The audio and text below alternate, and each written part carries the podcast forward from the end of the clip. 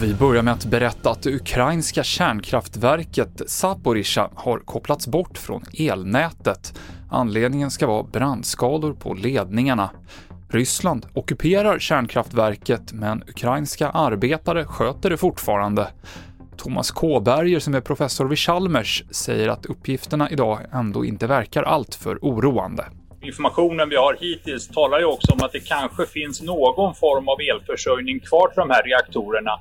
Och elförsörjning behöver de ju för att eh, kontrollrummet ska fungera och för att eh, kylsystemet ska fungera. Och om kylsystemet slås ut så är det samma elände som det som inträffade i Fukushima när en eh, tsunami slog ut eh, reservkraftgeneratorerna. De jag har lyssnat på som har eh, bedömt riskerna i Zaporizjzja, de är framförallt oroliga för att militären som har ockuperat kärnkraftverket har tagit den dieselolja som har funnits lagrad för att kunna driva reservkraftaggregaten.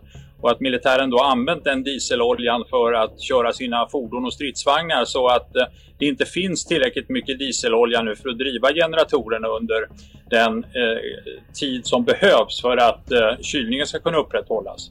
Mer om kriget i Ukraina på TV4.se.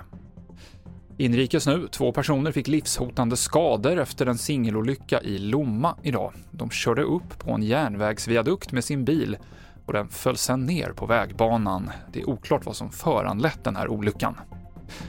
Igår fick bilister i Blekinge ett trafikmeddelande i displayen där det stod “luftangrepp, fara” med en varningstriangel. Meddelandet var felaktigt och hade skickats från Trafikverket, men myndigheten vet inte hur det gick till. Trafikverket säger till DN att meddelandet kan ha skickats av misstag av en medarbetare, men utesluter inte heller att man blivit hackade.